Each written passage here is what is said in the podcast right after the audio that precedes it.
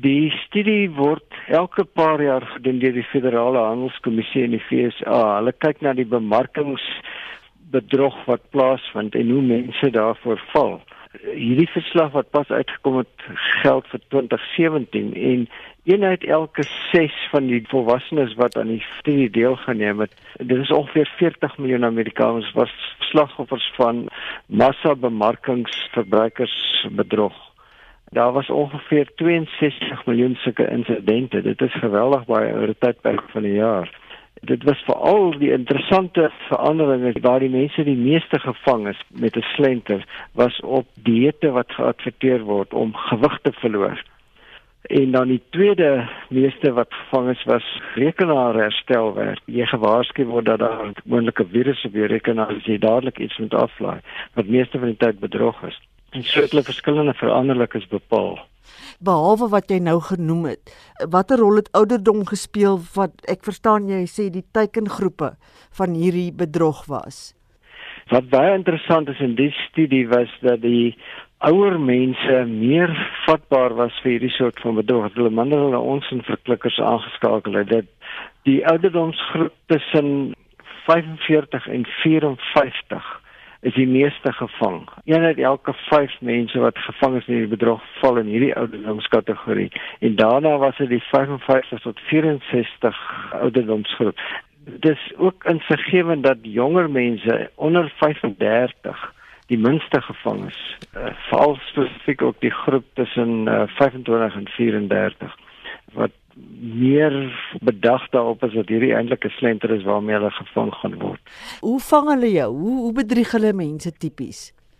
Wel, hulle vertel byvoorbeeld by dieete het hulle gevind dat hulle vir mense sê dat soveel gewig gaan verloor binne 'n sekere tydperk en op hierdie terrein was die verbruikersprodukte gekoop wat jy nie op voorskrif hoef te gekry het nie. Meestal dieet uh, aanvullings hierdie uh, plakkers wat jy op jou vel sit wat kan mens dag jou gewig laat verloor. Allerlei rome wat jy kan aansmeer om die vetrolletjies weg te laat kwyn. Daar's allerlei goed selfs oorringe wat mense in hulle ore sit en dan hulle hierdie slenter dat dit op een of ander manier jou gewig gaan laat verloor En by rekenaars natuurlik dan is dit 'n ander storie wat hulle ander tegnieke gebruik, veral die een dat daar kom skielike boodskap op jou skerm op wat sê o, jou rekenaar word bedreig deur 'n virus en laat dadelik hierdie af en dan gaan jy en dan sien jy op die einde in 'n stelsel wat hulle jou kredietkaart het ensovoorts.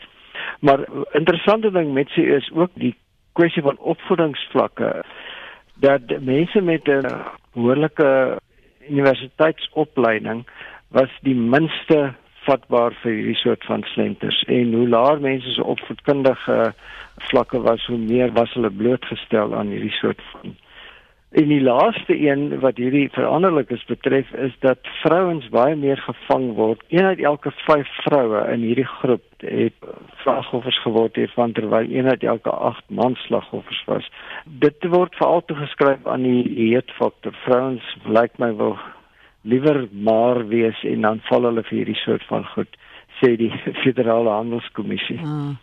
Hoe groot is hierdie probleem in Suid-Afrika? Dis 'n baie goeie vraag. Ek dink dit daar is al omvattende studies in Suid-Afrika hier gedoen nie. Die federale handelskommissie in Amerika staan bekend as die FTC, die Federal Trade Commission, is 'n baie belangrike waghond saam met die federale voedseladministrasie, die FDA om te kyk na behoorlike verbruikersbelange, verbruikers te beskerm. Ons is baie in Suid-Afrika, hoewel ons die verbruikersraad het en die verbruikerskommissaris uh, wat deur die verbruikerswet so klompie jare gelede in werk gestel word, is dit 'n baie tandelose organisasie wat nie baie effektief is nie.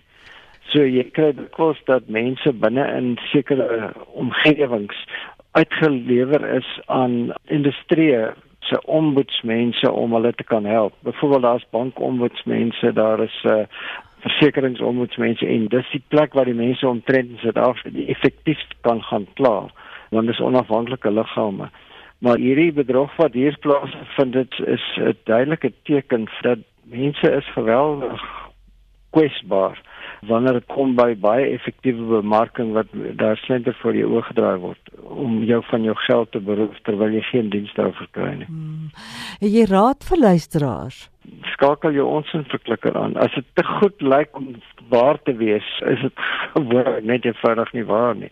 Ek dink Dawie Rood het nou eendag ook met Anita in 'n gesprek duidelik gesê dat enige rentekoers wat baie hoog is, jy skielik klomp geld kan kry op teen 'n baie hoë rentekoers is te goed om waar te wees. En daar's baie van hierdie gevalle en hier studie van die federale handelskommissie wat wys dat mense baie maklik hulle onsin verklikkers afskakel omdat ons baie keer gulsig is of desperaat is of een of ander rede wat ons dan ons doodskrik en nie behoorlik vra vra hoekom sou iemand ons nou direk kontak nie? Verduidelik 'n onsin verklikker. Wel ek dink ons almal word gebore met een. Dit is dat jy moet weet dit wat aan jou vertel word is nie noodwendig waar nie. Maar dis nie noodwendig dat ons almal dit aanskakel nie. Ek dink baie van ons mense loop deur die lewe sonder dat ons ooit ons in verklikker aanskakel. Ons het dit wel. Dit is deel van ons genetiese mondering dat ons eintlik behoorlik kan sê, "Jo, maar dit lyk dan vreemd. Dit lyk nie asof dit reg kan wees nie." Maar baie keer wil ons net eenvoudig dit nie glo nie, want dit klink dan so mooi en Hoekom sal ons nie hierdie produk aankoop om van ons vetrolletjies ontslae te raak of ons rekenaar gaan nou skielik alles tot net gaan. Die ander aspek was byvoorbeeld die kwessie van klip lidmaatskap. Mense sê jou ding is nie op datum nie en betaal jy soms twee keer of een van die terreine waar die mense meeste en ek vind dit baie in Suid-Afrika ook is selfone. Dat selfoonbedrog is geweldig baie. Hulle kontak jou en dan skielik het jy hier uh, 1000 rand 'n jaar wat jy betaal vir iets wat jy glad nie eens voor aangevra het nie.